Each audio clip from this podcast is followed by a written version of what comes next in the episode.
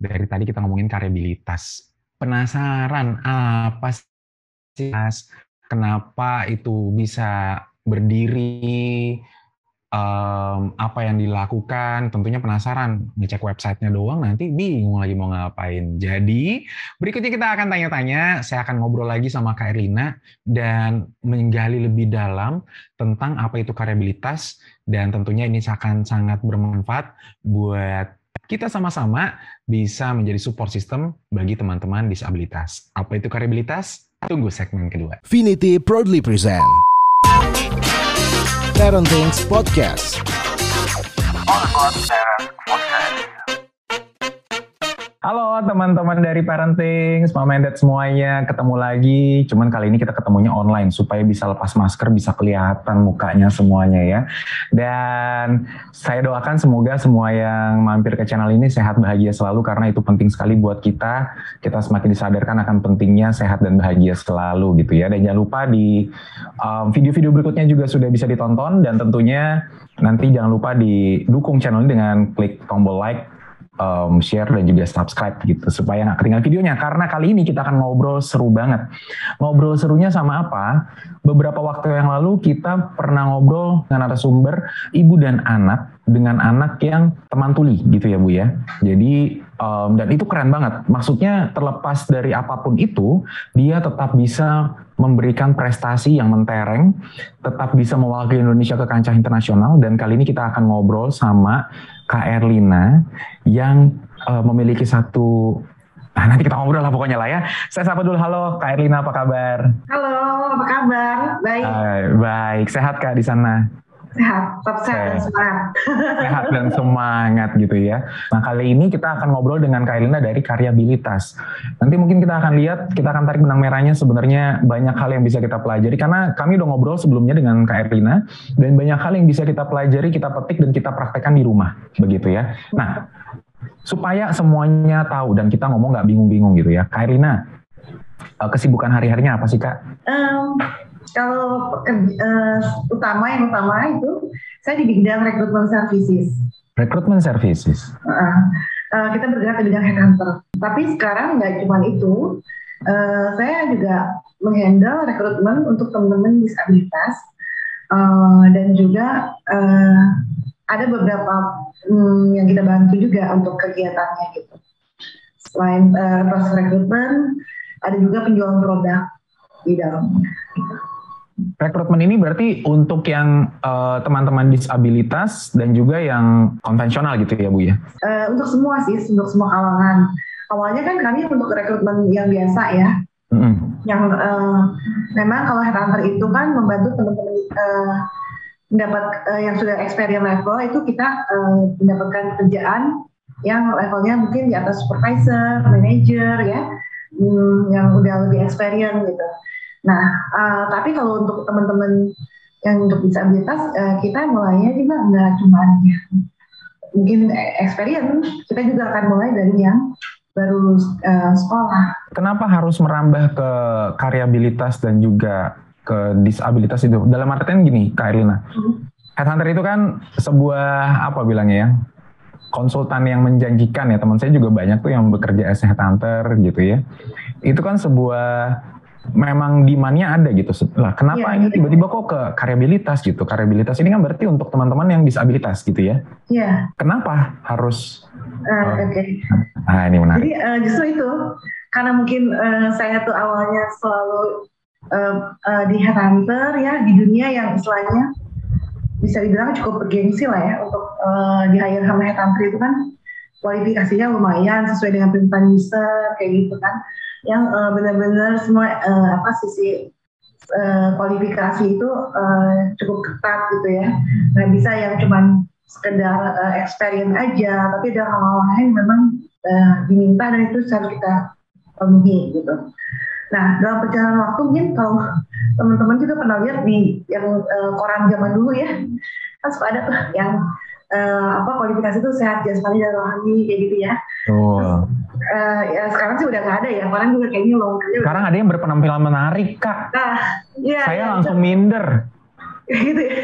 Itu banyak kan buat SPG. iya. Berpenampilan menarik. Muka saya begini lagi. itu tapi buat SPG. Eh, oh, untuk SPG ya? Mas Uya kan tertarik buat jadi SPG. ya enggak sih. jadi udah aspeknya lewat itu udah pasti. nah, uh, seperti itu. Jadi dalam perjalanan waktu kita kan selalu memenuhi kebutuhan dari permintaan klien seperti apa. Uh, dan kita juga uh, selalu melihat untuk uh, kok untuk CV-CV yang selanjutnya nih yang kira-kira udah nggak nggak uh, sesuai gitu ya. Uh, tapi mereka kadang-kadang kan memang kita tahu uh, kita mau bantu juga gitu ya walaupun kita nggak bisa paksakan. Tapi gimana? Nah terus berjalan waktu lagi saya mulai berpikir mungkin kalau yang kebanyakan secara normal gitu ya dalam kutip itu kalau lebih mudah dapat pekerjaan ya kan dan uh, apa yang normal aja bisa dibilang akan dipilah lagi gitu ya. Akan dipilah mana yang kira-kira sesuai kualifikasi mana yang enggak gitu kan. Nah terus saya berpikir uh, terus gimana gitu dengan teman-teman yang emang mungkin mengalami disabilitas entah itu dari sisi ketika dia dari lahir maupun dari ketika karena kecelakaan pas dewasa atau karena sakit tertentu gitu. Nah di situ saya berpikir terus uh, gimana tuh mereka apakah mereka juga tidak memiliki hak yang sama dengan kita gitu kan hmm. apakah mereka juga tidak memiliki kesempatan yang sama dengan kita gitu? untuk bisa berkarya untuk bisa mendapatkan pekerjaan mendapatkan uang untuk bisa mandiri gitu secara ekonomi dan lain-lain di situ saya berpikir untuk kayaknya di Indonesia kok mungkin saya udah dengar-dengar lah satu dua tapi nggak yang benar-benar spesifik gitu ya terus saya berpikir ya oke okay lah. Gimana kalau kita coba explore gitu? Hmm. explore untuk cari tahu nih dunia disabilitas kayak apa sih kayak gitu kan. Karena saya sendiri terus terang awam sekali tentang hal ini gitu. Uh, dunia rekrutmen adalah dunia saya. Tapi ketika berhubungan dengan uh, teman disabilitas uh, maksudnya waktu itu masih blank banget ya. Nggak tahu harus mulai dari mana. Terus kita uh, sampai cari-cari data juga. Terus terang uh, jalan berjalan waktu itu saya cari-cari uh, data uh, apa ngobrol sampai pernah melakukan interview itu secara intensif beberapa kali dengan salah satu relawan yang hmm. kebetulan juga dokter. Uh, itu dia memang jadi relawan sejak dia kuliah gitu sampai jadi dokter untuk menemani teman netra ya. Nah di situ oh, saya ngobrol saya ajak ngobrol saya ajak share gitu. Uh, ketika jadi relawan gimana sih kira-kira teman-teman uh, netra itu seperti apa sih ya yang menjadi ajak kerjasama seperti apa? Kayak gitu. Saya coba gali gali gali. Sampai uh, karena si ibunya ini keluar kota gitu ya sampai kita tuh bikin janjian tuh pernah di uh, di stasiun Gambir stasiun Gambir. Uh, jadi si ibunya habis dari uh, pulang kerja dari Jakarta kita ketemu di situ si ibunya harus keluar kota gitu. Sampai kita tuh ngobrol di situ demi mendapatkan data ya kan? Karena um, saya juga nggak cuma dari situ saya gali juga ke yayasan gitu kan ke yayasan ataupun uh, saya coba kontak kayak kementerian kayak gitu kan cari-cari data apa. Tapi memang ya sangat disayangkan uh, amat terbatas datanya itu gitu loh. Sampai ke yayasan-yayasan juga ya amat terbatas gitu. Uh, ya sampai ke BPS saya pernah ke BPS Badan Pusat Statistik cari data itu enggak ada jadi saya malah disaranin ke suku dinas suku dinas ke disnaker, disnaker juga dapat, uh, sampai ke Kementerian Sosial, uh, sampai terjadi pergantian menteri juga sempat. Dan Mana? itu data sampai berganti menteri. Saya cari data. ya itu, tapi menandakan apa? Menandakan bahwa data dari kita memang belum terintegrasi. Ya, uh, sayangnya menyebabkan jadi data ini belum kita kita bisa pakai secara maksimal. Ya untuk mendapat padahal kan data ini bisa dipakai untuk banyak banyak hal sekali. Ya kalau kita udah punya integrasi data enak kan untuk kayak oh jumlahnya pengangguran terbuka berapa? Pengangguran disabilitas berapa? Uh, teman-teman disabilitas yang karena faktor kecelakaan atau faktor uh, uh, dapat dari lahir berapa orang ya kan dengan skillnya berapa yang udah punya pengalaman kerja berapa seperti itu jadi uh, banyak sekali yang emang uh, saya coba gali gitu. Nah, dalam perjalanan waktu akhirnya saya memutuskan uh, sebenarnya itu satu pergolakan juga ya. Karena pergolakannya ini seperti ini. Saya pernah menat, uh, mendapat mendatangi satu yayasan dan yayasannya itu bilang kalau misalkan untuk mereka bekerja itu mereka tuh sangat hati-hati. Jadi ada teman-teman yang emang ya tahu nih kondisinya uh, pekerjaannya berapa lama sih? Kalau misalkan misalkan dapat uh, kesempatan kerja gitu, mereka bilang, wah ini di kontrak setahun ya? Kok cuma setahun? Setelah setahun gimana? Ada yang seperti itu, dan itu membuat saya cukup kaget juga ya di awal ya, karena saya pikir, nah emang kan secara uh, kebanyakan kan kalau orang di kontrak satu tahun ya hal yang wajar di situ orang justru bisa eksplor menunjukkan apakah orang ini punya kinerja yang oke okay atau enggak sesuai dengan kebutuhan perusahaan atau enggak. Menurut saya hmm. waktu satu tahun satu waktu yang cukup baik untuk kita bisa saling tahu perusahaan dengan uh, pencari kerja itu apakah memang ini adalah tempat yang cocok atau enggak ini seperti itu kan. Tapi ternyata ada pandangan berbeda ya dari yayasan ya itu bahwa bilang kekhawatiran kalau misalkan teman-teman itu nggak dapat kerjaan lagi selanjutnya gimana. Nah itu kan berarti ada perbedaan persepsi ya antara di dunia kerja itu dari teman-teman yayasan uh, gitu. Nah di situ saya sempat kayak yang, waduh ini mau lanjutin apa enggak ya? Kok ternyata nggak segampang itu ya untuk kita maju untuk mau membantu juga ada perbedaan persepsi, ada uh, apa uh, kekhawatiran-kekhawatiran berlebihan gitu kan dari dari yayasannya, dari mana. Hmm. Akhirnya tapi dalam pertemuan waktu itu akhirnya saya memutuskan untuk maju untuk tetap uh, maju membuat uh, apa uh, satu website untuk teman-teman disabilitas.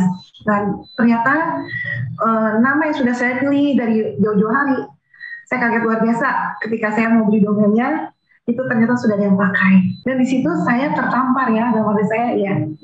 Mungkin ini uh, saya kalau misalkan saya pun nggak menjalankan misi ini misalkan saya menganggap ini adalah misi yang Tuhan titipkan kepada saya jadi saya berpikir, wah orang lain akan bisa juga untuk melakukan ini, gitu kan? Di situ saya belajar juga, wah, oke, okay, saya tetap akan cari dengan nama lain. Akhirnya dapatlah saya nama karyabilitas. Dan itu saya dapat domainnya juga. Nah, terus saya langsung minta uh, dengan pihak developer untuk membuatkan konsep yang saya mau, gitu kan, tentang uh, website ini seperti apa, kayak gitu. Uh, walaupun sebenarnya terus itu cuma melangkah dengan nggak tahu juga gitu kan kita nextnya kayak apa nih? Uh, apa dulu nih harus dikerjain kayak gitu kan.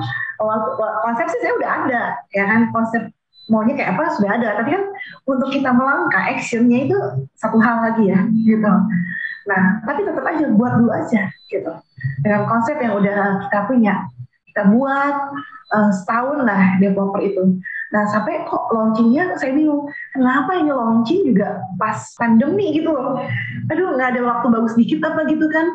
Udah udah udah yang kita mau launching itu untuk teman-teman disabilitas, terus waktunya pas pandemi di mana kita nggak bisa ketemu langsung lagi aduh hmm. gimana ya kan kalau ketemu langsung mungkin lebih enak ya uh, pikiran saya waktu itu ya karena enak gitu ketemu langsung bisa uh, apa komunikasi lebih jelas nah ini kok oh kenapa beresnya kok pas pandemi gitu loh? Dan saya harus launching pas pandemi. Aduh itu benar-benar satu situasi yang saya nggak ngerti gitu. Tapi justru ternyata itu salah satu jalan juga. Karena ketika pandemi itu kan semua serba online kita ditutup online ya. Seperti sekarang kita online. Itu lebih menjangkau lebih banyak lagi. Uh, teman-teman disabilitas nggak cuma di Jabodetabek tapi juga di kota-kota lain di Indonesia yang bisa kita bantu jangkau. Seperti itu. Jadi website kami itu sendiri ada beberapa jenis ya. Nanti mungkin kita bisa eksplor lagi. Ya, ya. Kalau saya dengar ceritanya nih, Kak Erlina, itu kan kayaknya repot banget ya. bensinnya dari mana? Bensinnya bensinnya apa? Apakah berdasarkan cuman uh, pemikiran yang apa kita doang? Apakah mereka teman-teman ini nggak punya hak yang sama? Apakah itu aja bensinnya atau ada bensin lain? Uh, ya itu kalau saya sih lebih ke arah ya mereka emang layak ya untuk mendapatkan uh, hak mereka gitu. Uh, terus yang kedua saya merasa terdorong aja untuk membuat ini terwujud gitu.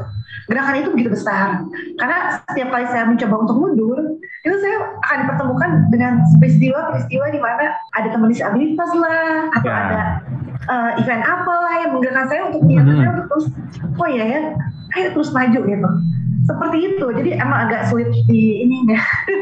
Ya. Hmm. jadi benar-benar dorongan yang emang kepengen aja gitu ya. Iya, jadi sebenarnya saya sih kayaknya udah pengen mundur juga tuh di awal-awal kan, kayaknya bakal banyak PR-nya nih kayaknya gitu. Tapi eh, nggak uh, tahu ya, gerakan itu tuh kayak terus mendorong saya terus maju gitu. Jadi saya kayak ya udahlah kita jalannya ini pasti bisa juga gitu walaupun nggak nggak tahu juga maksudnya akan seperti apa nanti uh, mulainya gimana tapi ya udah maju aja dulu gitu. Step by step kayaknya nanti akan ada langkah langkah-langkah yang akan harus kita kerjakan gitu. Seperti itu jadi memang kayaknya ya buat Mam Endet yang ada lagi nonton ya uh, mencari mencari apa namanya tujuan hidup tuh kadang-kadang nggak perlu banyak alasan, emang kepengen aja gitu ya dan emang ada manfaat. Gak usah iya, repot-repot. Uh, ya mungkin saya berpikir udah saatnya juga kita berbagi ya, nggak uh, cuman hanya untuk kebanyakan, misalnya uh, mikirin yang saya kerjakan saat itu gitu kan. Uh, jadi biar seimbang lah hidup ini gitu kan dari aspek yeah. yang berbeda gitu. Iya, iya. Programnya selain berarti kan ini sebetulnya kan bisa dikatakan bahwa uh, Kak Erlina memberikan wadah kepada teman-teman disabilitas hmm. ya dan mempertemukan, menjodohkan antara uh, apa namanya mungkin customer kalau tadi katanya ada produk juga gitu. Saya nggak tahu kalau produk itu berarti uh, itu produk dari teman-teman uh, karyabilitas juga. Iya. Jadi uh, kami kan ada tiga services yang pertama itu uh, karyabilitas membantu teman disabilitas untuk mendapatkan kerjaan secara full time. Ya, jadi kalau mereka memiliki uh, pendidikan yang cukup atau memiliki pengalaman kerja yang uh, uh, bisa sebagai modal, mereka bisa bekerja kan di tempat perusahaan-perusahaan pada seperti layaknya. Ya, karena kan kita tahu uh, pemerintah sendiri mengeluarkan peraturan satu persen uh, dari jumlah total karyawan itu untuk perusahaan swasta itu uh, harus berisi teman-teman persen. Oh, ya. dan untuk BUMN itu wajib dua persen dari total karyawan. Tapi pada kenyataannya ya uh, itu belum merata ya di Indonesia ya kita bisa lihat kalau yang udah rata kan pasti di kantor-kantor kita kita akan lihat ada teman disabilitas di antara kita. Gitu. Oke, okay. um, berarti ada yang profesional tadi? Ada yang profesional itu untuk kerja full time. Terus yang kedua itu, kalau teman-teman disabilitas itu sudah memiliki keterampilan. Keterampilan. Karena satu dan lain hal itu tidak bisa bekerja di kantor, jadi memilih untuk bekerja secara freelance, jadi atau kerjanya proyek base gitu. Misalkan bikin desain logo, uh, yang kerjainnya di luar kota, tapi yang uh, butuh kliennya itu di Jakarta kayak gitu. Okay. Terus misalkan terjemahin bahasa Inggris ke bahasa Indonesia kayak gitu. Yang ketiga apa? Yang, yang lainnya itu karena saya berpikir kalau di Indonesia itu kan Uh, terus terang ya teman-teman disabilitas itu masih menjadi warga kelas 2 terutama di luar Jawa Kalima, uh, di luar Jawa itu Kalimantan Indonesia Timur gitu ya kita nyebutnya ya nah itu mereka tuh kadang-kadang tuh nggak dapat kesempatan kerja jangan kesempatan kerja banyak kan tuh juga beberapa di antaranya tuh sama keluarganya tuh disumputin nggak main keluar rumah. Disumpetin? Iya diumpetin. Gitu karena keluarganya mungkin merasa entah terlalu protektif atau merasa malu atau gimana. Saya nggak tahu tapi jadi eh, nggak uh, dapat kesempatan untuk sekolah gitu lah istilahnya ya. Untuk bersosialisasi nggak ada gitu loh. Jadi saya berpikir Oke, okay, kalau yang teman-teman uh, disabilitas dapat punya apa pendidikan sih, udah punya bekal gitu kan. Kalau yang atau karena kecelakaan kerja, nah itu lain hal ya. Nah itu tetap udah ada experience kerjanya. Terus kalau misalkan punya skill gitu untuk kerja secara freelance juga masih kita bisa bantu gitu kan. Nah tapi gimana kalau yang nggak punya pendidikan ya kan nggak punya skill yang gimana banget, tapi biasanya mereka kalau uh, masih tergabung masih yayasan masih bisa. Biasanya akhirnya kita bikin oh ya mungkin mereka punya kemampuan untuk bikin sesuatu produk yang bisa dibantu kita jualkan. Nah sampai akhirnya kita bikin uh, juga khusus untuk produk teman-teman disabilitas kita bantu jualkan. Produknya macam-macam. Mulai dari makanan sampai ke uh, rajutan sampai ke uh, bunga rajut juga ada. Pokoknya macam-macam. Semua kita bantu jualkan. Novel juga ada uh, apa pun uh, yang mereka hasilkan kita bantu jualkan. Okay. Walaupun perkara maksudnya uh, cukup laku atau enggak itu lain hal ya. Mm-hmm. Tapi kita akan tetap bantu jualkan. Gitu. Berarti ada tiga kalau saya coba simpulkan. Yang pertama adalah uh, teman-teman uh, yang memang memiliki maksudnya apa namanya font apa bilangnya latar belakang yang memang bisa bekerja secara profesional di perusahaan. Kemudian yang Ya, kedua itu mereka yang- punya keterampilan khusus tetapi tidak mendapatkan kesempatan. Hmm, betul. Yang ketiga adalah yang yang disumpetin tadi itu yang tidak punya belum punya keterampilan lalu dika, dikayakan gitu di pengayaan untuk bisa memiliki Ya. keterampilan dan juga membuat produk gitu ya. Ya, atau teman-teman disabilitas memang sudah biasa eh, bikin produk juga. Nah, kan Oke. biasanya mereka kesulitan untuk memasarkan. Mm-mm. Nah, kita bantu pasarkan produknya. Oke, dibantu dipasarkan. Tapi saya menarik deh, kalau disumpetin itu dapat, kok bisa Kak Elina ketemu? Oh enggak, saya sih kalau yang di Ubudin itu enggak, enggak, enggak ketemu langsung, tapi Ya saya pikir kan dua rumah tahu. masuk ke dalam gitu kan, Ya. penggerbekan namanya saya satu PP. bawa pentungan ya, tak tak tak tak gitu. Enggak, jadi saya tahu itu dari teman-teman yang lain ya. Jadi ada di beberapa daerah tertentu memang itu tidak, eh, mereka itu belum terbuka. Itu. Bahkan saya ada dapat satu cerita juga kan ada yang eh, dari luar pulau gitu ya. Bekerja eh, sebagai misalkan eh, di posisi reception atau apa mereka bekerja. Tapi sampai satu pihak ternyata perusahaannya itu memutuskan untuk semua karyawan itu menggunakan seragam rok pendek. Nah ketika seragam rok pendek itu nggak bisa karena teman disabilitas ini ternyata kakinya besar sebelah padahal kalau dilihat dari secara langsung nggak kelihatan cuma perbedaannya di kaki aja akhirnya ya teman disabilitas itu nggak bisa bekerja kan yang seragam gitu Kak, boleh tahu nggak range teman-teman ini tuh usianya di usia berapa sih Kak? usianya sih Yang paling muda umur berapa? Yang Kak Erlina? mulai dari lulus sekolah ya lulus sekolah Sekolahnya tuh sekolah apa? Eh, ada yang dari SLB juga ada Berarti dia eh, tingkat pendidikannya apa tuh? SM SMA SMA ya Sampai yang paling senior? Eh, kalau senior sih kalau produk sih kita nggak batasin berapapun oke aja selama jual bisa jualan. Eh, tapi rata-rata rata-rata itu memang usianya sih kalau saya lihat tuh di bawah 50 ya. Semuanya di bawah 50 ya. itu banyak kan di bawah 50 Ada perbedaan karakter nggak sih Kak di antara range-range? Karena kan di situ berarti ada generasi X, ada generasi milenial gitu ya. Ada yang Ada generasi Z. so- gini ya, teman disabilitas itu jangan menganggap seperti bahwa mereka itu dengan dunianya sendiri berbeda sama sekali enggak. Mereka juga mengakses Google dengan seperti kita sama. Mereka juga mendengarkan apa informasi info, eh, membaca informasi dari IG, dari apa semua sama. Akses kita sama, media kita sama. Yang membedakan cuma eh, keterbatasan fisiknya aja. Ya kan? Jadi karakter segala macam juga eh, nggak terlalu jauh sih dari kebanyakan eh, kita. Kemudian kalau generasi yang masih Gen Z ya, Gen Z ya yang paling ini, ya masih yang emang aktif banget gitu kan, yang sangat eh, benar-benar yang masih punya mimpi-mimpi gitu kan. Beberapa kali saya interview tuh mereka eh, alasan kerja ngumpulin uang mau menikah. Oh, iya, iya. Eh, eh, alasannya itu menarik ya.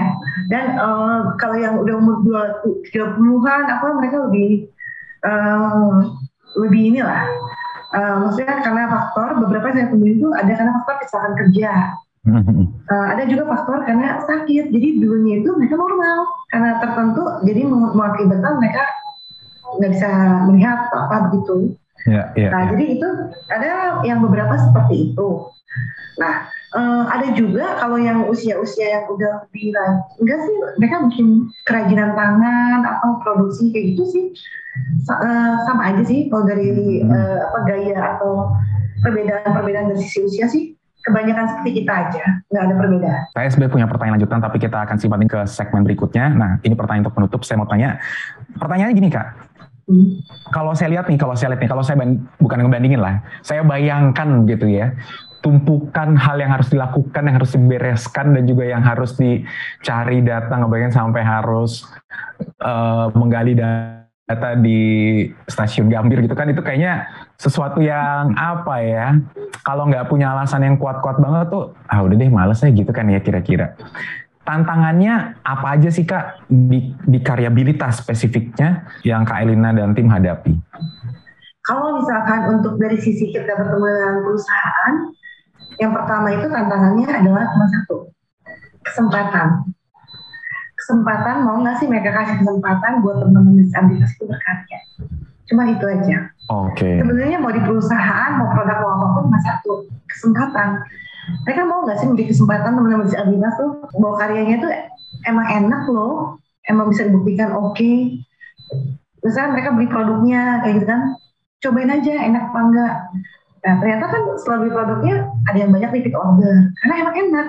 Jadi bukan karena faktor kasihan ya belanja itu ya. Karena emang produknya enak gitu.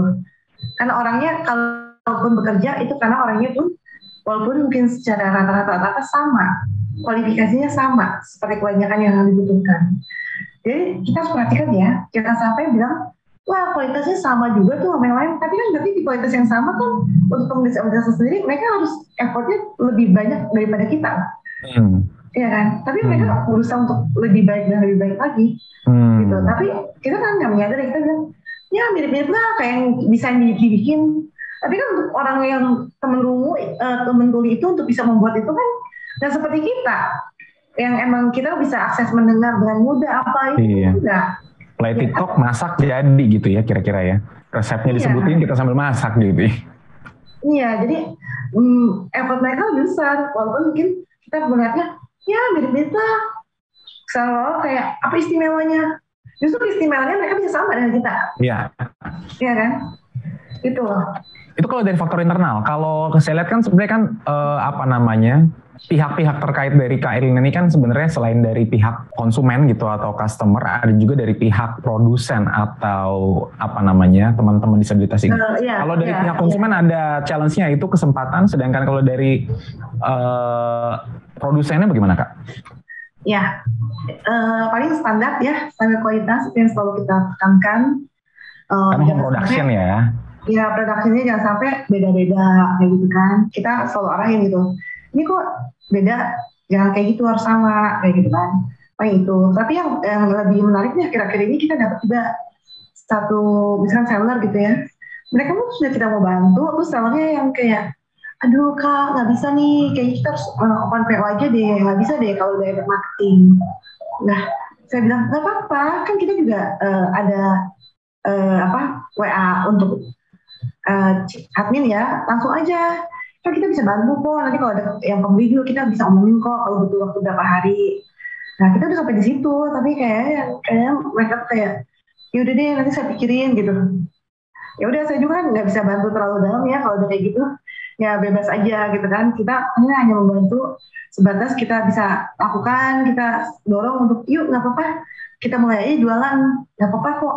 Kalau dia mau bilang perlu PO misalkan tiap hari ya udah nggak apa-apa kita jualan aja gitu kan ternyata ada juga yang berpikir banget gitu untuk hal itu aja Ya, udah ya. kalau saya kalau udah kayak gitu sih ya kita hanya bisa melakukan sampai di tahap kita bisa eh, lakukan gitu untuk meminta mereka produknya gituin kita bantu jualan apa gitu Oke. kalau mereka nggak mau ya udah nggak bisa dibantu maksudnya bebas gitu Iya, iya, benar, benar. Ini kan case by case, case by case ya kayak um, kalau misalnya secara generalnya ada lagi nggak? Maksudnya apakah i semuanya seperti ini kan kayaknya enggak gitu ya? Kalau Nggak. secara umum gitu kak? secara umum nggak ada nggak ada sih mereka juga kalau bikin produk juga tepat waktu maksudnya Oke. kebanyakan kalau kita minta eh, bisa dikirim bisa eh, Mhm. berapa banyak berapa banyak cuma paling perlu edukasi dalam hal eh, standar aja yang kita ajarkan Oke. itu aja Ini kan berarti kalau dari tadi kan nuansanya lebih eh, apa nama? Kayaknya di, di antara tiga services ini populasi atau heat mapnya kan ada di produk ya kak, yang ketiga. Sedangkan untuk yang profesional ini memang seperti itu. Banyak kan memang produk kalau saat ini. Apalagi menjelang menjelang Lebaran gitu kan kita bikin parcel, Hmm, eh, kita tawarin parcel-parcel Lebaran ke teman-teman. Nah ini juga kita lagi mungkin akan dapat eh, parcel dari satu perusahaan itu untuk karyawannya kita buatin parcel semua produk teman-teman disabilitas. gitu. Mm-mm. Animonya di antara ketiga services ini sebenarnya teman-teman disabilitas tuh paling populasi paling banyak Paling tuh ada. itu jualan produk. Oh, jadi populasi untuk yang misalkan desainer grafis atau mungkin yang profesional tuh eh, kalah Ada. dibandingkan dengan yang jualan produk gitu ya. Nah, bukan mungkin saya melihatnya begini. Kalau produk kan eh, yang pembelinya kan pasarnya lebih besar, nggak cuma perusahaan, banyak juga perorangan. Mm-mm. Nah, mereka membeli produk kan perorangan akan lebih banyak ya dibandingkan eh, perusahaan ya. Nah, itu yang pertama. Yang kedua, uh, membantu cara produk akan lebih mudah dibandingkan uh, yang uh, rekrutmen hmm. karena produk kan mereka cuma cukup membeli ya membeli produknya enak beli order dengan uh, seharga produk itu tapi kalau rekrutmen kan emang uh, satu perjalanan yang emang cukup spesifik ya dalam artian ketika orang kita mau tempatkan itu kan nggak tiba-tiba ditempatkan. Pada saat ada proses interview juga nanti kan masih dicek lagi bagaimana komunikasinya. Pihak perusahaan kan harus pikirkan tentang standar keselamatan apa uh, cara komunikasi. Kalau dengan teman tuh itu cara komunikasinya bagaimana. Supaya uh, bisa diterima juga dengan tim yang lain. Begitu ya. Penerimaan tim juga itu penting. Jangan sampai ada pembulian dalam kerja. Dan yang kedua itu bagaimana kalau misalkan dengan teman disabilitas fisik daksa? Nah itu kan berarti kan nggak perlu bagus-bagus sih. Asal toiletnya ada pegangan ya gitu kan. Pegangan buat tahan tangan gitu kan. Itu cukup. Tapi kan emang e, stigma di masyarakat itu adalah kalau teman disabilitas sih kayaknya kalau kita menerima mereka kerja ntar pos lagi nih buat perusahaan.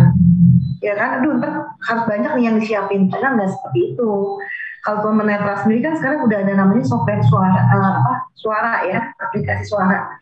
Jadi uh, dari teks itu berubah jadi suara kayak gitu. Jadi itu akan lebih memudahkan dalam pekerjaan. Jadi walaupun mereka nggak bisa melihat secara langsung tapi mereka tetap bisa memahami apa yang ditugasnya karena teks itu dirubah jadi suara dan mereka bisa bekerja biasa. Last day nih, yang Kak Erlina berarti sebetulnya bukan hanya sorry gini gimana formulasi pertanyaannya ya? Mungkin gini kali Kak.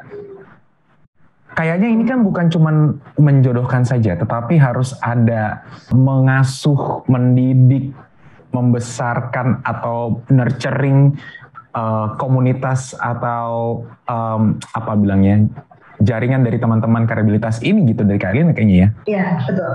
Jadi uh, kami sendiri buat semacam pelatihan pelatihan gratis ya untuk membantu mereka itu kalau yang belum dapat kesempatan kerja ataupun tidak punya keterampilan kita sih berharapnya mereka setelah latihan punya keterampilan dan nanti produknya bisa dibantu dijualkan itu harapan kita. Okay. Tapi ya dalam perjalanannya ada beberapa yang cuma sekedar pelatihan, ini sebenarnya juga belum bisa layak jual. Kayak gitu kan ya harus masih belajar. Jadi tapi kita yang kita lakukan adalah ya udah kita tetap memberikan pelatihan. Kita juga punya apa ya ya uh, inilah apa yang memberikan pelatihan gratis gitu. Mereka mau untuk sharing bagi ilmu gitu kan. Nah itu kita ini juga ya apa merasa senang juga nih kita disupport dengan hal-hal seperti itu gitu kan. Dukungan dukungan-dukungan dengan memberikan pelatihan gratis terus bahkan bahkan ada teman juga yang memberikan uh, eh, JBI itu juru bahasa isyaratnya free. Padahal kalau kita pakai JBI itu kan harganya udah lumayan ya gitu. Hmm, kayak gitu. Jadi eh, dukungan-dukungan lah dari sekitar yang ketika saya bilang kayaknya mau bikin pelatihan nih. Kira-kira ada nggak sukarelawan? Banyak kok mau mendukung. Kayak gitu. Dan itu kan juga menginginkan mata kita bahwa wah ternyata banyak juga yang peduli ya gitu. Iya. Oke. Okay. kalau kita mau uh, purchase produknya misalkan di mana kita bisa dapatkan barang produk-produknya uh, semua ada di website www.karyabilitas.com Oke, langsung hit websitenya dan kita akan lanjut lagi di kesempatan selanjutnya. Oke, thank you Kalina ya. Kita akan lanjut lagi. Iya, yeah, oke, okay, thank you. Terima kasih.